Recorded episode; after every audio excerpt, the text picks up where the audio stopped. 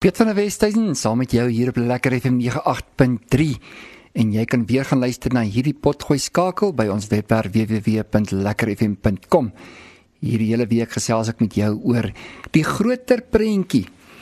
En vandag is ons in die boek van Habakuk. 'n Baie bekende gedeelte in die boek van Habakuk en baie mense kwoteer hierdie skrifgedeelte is Habakuk 3 vers 17 alhoewel die vrye boom nie sal bloei en aan die wingerdstokke geen vrug sal wees nie. Die drag van die oorlyfboom sal teleurstel en die saailande geen voedsel oplewer nie.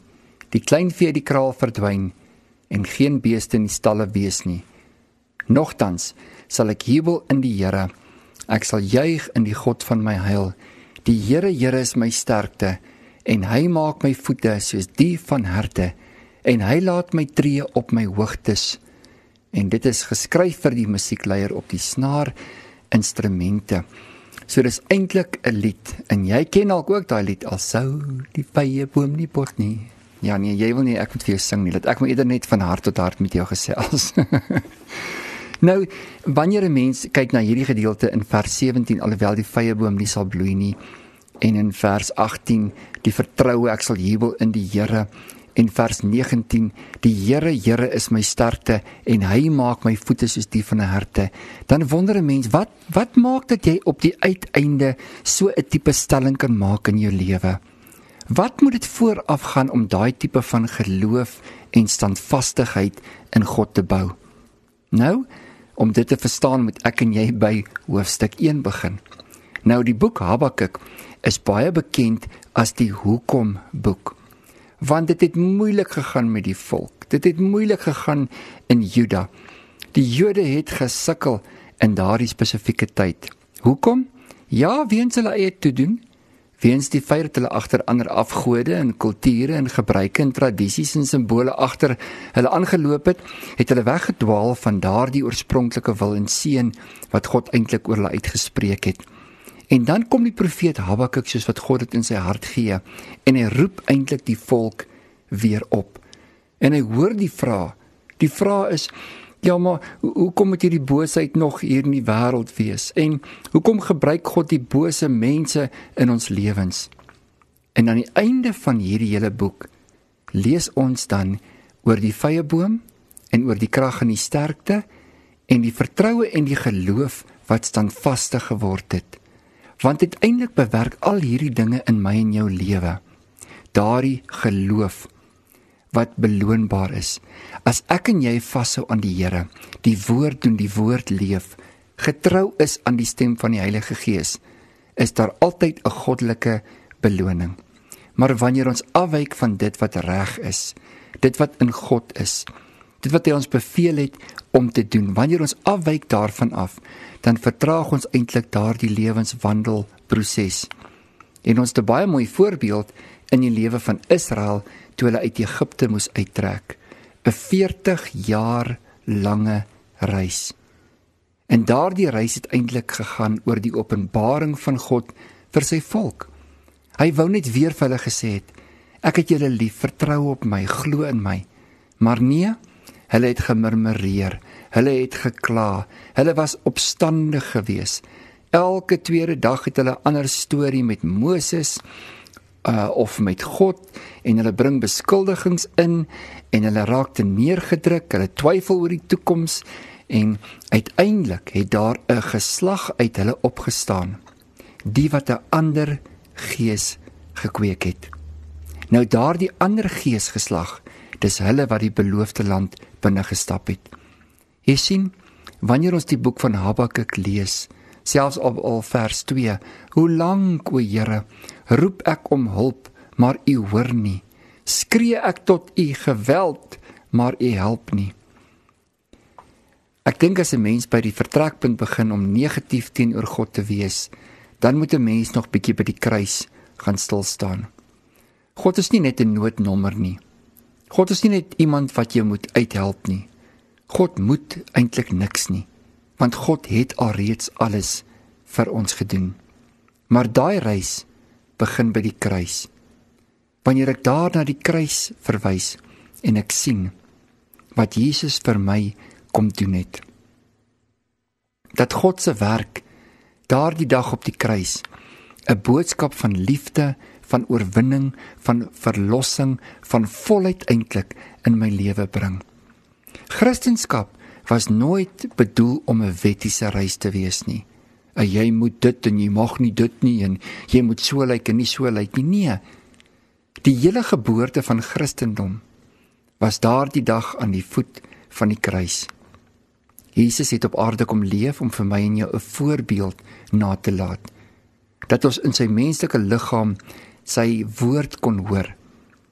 Dat ons ook 'n deel van God die Vader kon sien in wie God is in ons lewens. En dan dan lê hy sy lewe af. Hy sterf. Hy word gekruisig. Maar tog sê hy: Vader, vergeef hulle, want hulle weet nie wat hulle doen nie. Hy het vasgehou aan daardie dag, sy lewe gegee en met sy lewe betaal sodat jy jou reis in daardie liefde vir jou kan begin. Hoe kan 'n mens dan omdraai in twyfel oor God se intensie tot 'n mens se lewe? Hoe kan 'n mens wonder of of jou lewe die moeite werd is? Hoe kan 'n mens wonder of daar waarde aan jou lewe is? As jy net weer na die kruis kyk. Jy sien dit help ons om net bietjie terug te staan na die kruis te kyk om die groter prentjie te kry van God se liefde vir ons. Jy kan nie net na jou sukkel kyk en na wat jy verloor en wat jy bykry en wat mense aan jou doen en dan tot 'n slotsom kom of God jou liefhet of nie of hy jou hoor of nie. Nee. Ek kan jy kyk na die werk van die kruis. In vers 3 hoofstuk 1 van die boek van Habakuk, daar gaan die weeklag weer aan. Waarom laat U my onreg sien en aanskou U die moeite? Ja, verwoesting en geweld is voor my oë en daar is stryd en twis begin. Daarom verloor die wet sy krag en die reg kom nooit meer te verskyn nie, want die goddelose omsingel die regverdige. Daarom kom die reg verdraaid te verskyn. Jy kan nie glo dat iemand so negatief teenoor God en selfs teenoor sy profete kan wees nie. Maar as ek en jy 'n bietjie om ons rond kyk, ja, en selfs baie keer in ons eie hart kyk, dan kan ons sien dit kan baie baie maklik ook die taal wees wat ons tot God kommunikeer. Dat ons vergeet waarom hierdie reis te begin. En dat is ook verstrengel raak in die uitdagings en in die en ek wil amper vir sê die te neergedrukte oomblikke van ons lewe. Dan begin ons die vrae te vra. Maar die grootste vraag is het God jou lief? En die antwoord is ja. Die antwoord is ja omdat sy offer volmaak vir jou lewe gemaak is.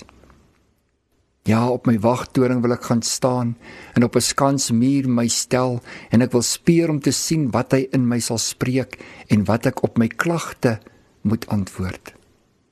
Jy sien, gedagtes vol klagtes. En tog sê God vir ons, in die boek van Tessalonisense dis die wil van God dat ek en jy moet dankbaar wees. Mag ons gedank mag ons gedagtes met dankbaarheid gevul wees. Mag jy jou gedagtes in hierdie oomblik vul met dankbaarheid. Voordat jy wil begin kla sê net eers dankie. Toe antwoord die Here my en sê in vers 2 hoofstuk 2 van Habakuk skryf die gesig op en graweer dit op tafels sodat hulle dit in die verbygaan kan lees. En dan praat hy en hy sê skryf die visie neer dat mense dit kan sien en met dit kan hardloop. Vers 10 sê die woord jy het skande beraadslag vir jou huis, die uitroeiing van baie volke. Ek het jou lewe verbeer. Want die steen uit die muur roep en die balk uit die timerasie gee hom antwoord. Wie hom wat 'n stad bou met bloed en 'n vesting stig deur onreg. God wil so graag daar vir sy volk wees, maar sy volk is nie daar vir hom nie. Sy volk bevind hulle nie op die plek waar hy hulle wil vestig nie. In hulle geloof dwaal hulle af. In hulle wandel dwaal hulle af. In die dinge wat hulle moet bedink, dwaal hulle af. In die taal wat hulle behoort te praat, is hulle lankal verlore. Hulle praat die taal van die vervloektes. Hulle praat die taal van die waardeloses. Hulle praat die taal van die verwoesters. Hulle wat alles net afbreek terwyl God uiteindelik ons 'n nuwe taal gegee het. Inteendeel, jy het 'n nuwe lewe by hom gekry. Kyk, alles het nuut geword. Alles begin nuut in die liefde. Dit begin met daai oomblik wanneer ek en jy gaan stil staan en hom kan sien in die oë van 'n Jesus kan kyk dat hy vir my en jou soos 'n ongelowige Thomas kan sê kom hier. As jy dan nie glo nie kom druk jou vinger hier in my wond. Miskien moet jy ook my bloed op jou vinger kry as 'n totale oortuiging dat ek my lewe vir jou gegee het. Maar tog is daar die wat nie sien nie maar het geglo tog is daar die wat sê Ek kan glo en ek kan die beste glo. Ek weet my God leef. Deur al hierdie omstandighede, die swaar Ja, in vers 19 sê die woord: Wie hom wat vir 'n stuk hout sê word wakker, vir 'n dooie klip ontwaak, kan hy 'n mens leer. Kyk, hy is oorgetrek met goud en silwer en daar is geen gees in sy binneste nie. Maar die Here is in sy heilige tempel. Swyg voor hom o ganse aarde. Maak nie saak wat ek in jou aantrek nie. Ons kan nie soos lewe lyk nie. Ons kan nie gees en krag bring as ons dit nie aan die binnekant het nie. Tereg vra die woord, kan jy dan met hierdie stuk hout praat en sê word wakker? 'n Dooie klip sê, "Hey, ontwaak." Kan 'n mens geleer word wat homself aan die uiterlike aantrek maar in die innerlike is hy nie leerbaar nie. God praat vandag met my en met jou. Hy kom praat met ons land, Suid-Afrika. Hy wil ons deur hierdie omstandighede neem, hoe dit ook al lyk daar in jou wêreld. Dis belangriker hoe dit lyk aan die binnekant. Ja, God wil hê jy moet optree en nie wankel nie. Hy wil hê jy moet weet dat hy verpletter die ewige berge. Ja, op die heuwels, op die paaie van die ou tyd, daar wil God jou neem, dat hy vir jou kan wys waaroor gaan die lewe eintlik. Vers 8 hoofstuk 3 van die boek van Habakuk is dit teen riviere, o Here, teen die riviere dat u toorn ontvlam het, of geld u grimmigheid die see dat u ry met u perde 'n oorwinningswaans heeltemal ontbloot is u boog. Besweer is die pile deur die woord. Sela. Tot riviere splyt u die aarde. God wil weer plek in jou lewe kry. God wil weer hê jy moet hoop sodat jy ook kan sê ek glo Here alhoewel die vrye boom nie sal bloei nie. En Here aan die wingerdstokke geen vrug sal wees nie Die drag van die olyfboom sal teleurstel en die saailande geen voedsel oplewer nie. Die klein vee die kraal verdwyn en geen beeste in die stalle meer sal wees nie. Nogtans sal ek jubel in die Here. Ek sal juig in die God van my heil. Die Here Here is my sterkte en hy maak my voete soos die van herte en hy laat my tree op my hoogtes. Mag dit jou gebed vandag wees. Die groter prentjie waarna ek en jy vandag kyk, is dat deur al die lyding, vervolging en selfs ons eie godloosheid, daardie godloosheid ons kan bring by 'n plek waar ons ook die Here Here as ons krag en ons sterkte en ons heil kan vind. Dat ons uit ons gees met oortuiging verklaringe kan maak dat ons weet wie God is, wat God se intensie tot ons lewens is en uit daardie oortuiging vir hom kan sê Here ek glo. Nogtans maak nie saak wat wanneer en waar en wie nie. Ek glo in u. Kom ek en jy bid saam. Vader dankie vir 'n goddelike oomblik 'n oomblik van saamkom met u 'n oomblik van stil raak by u sodat ek kan weet u is my sterkte my siel dat jy sal weet die Here is my sterkte en ek kies om God te verheerlik in Jesus naam. En ek en jy sê Amen en amen.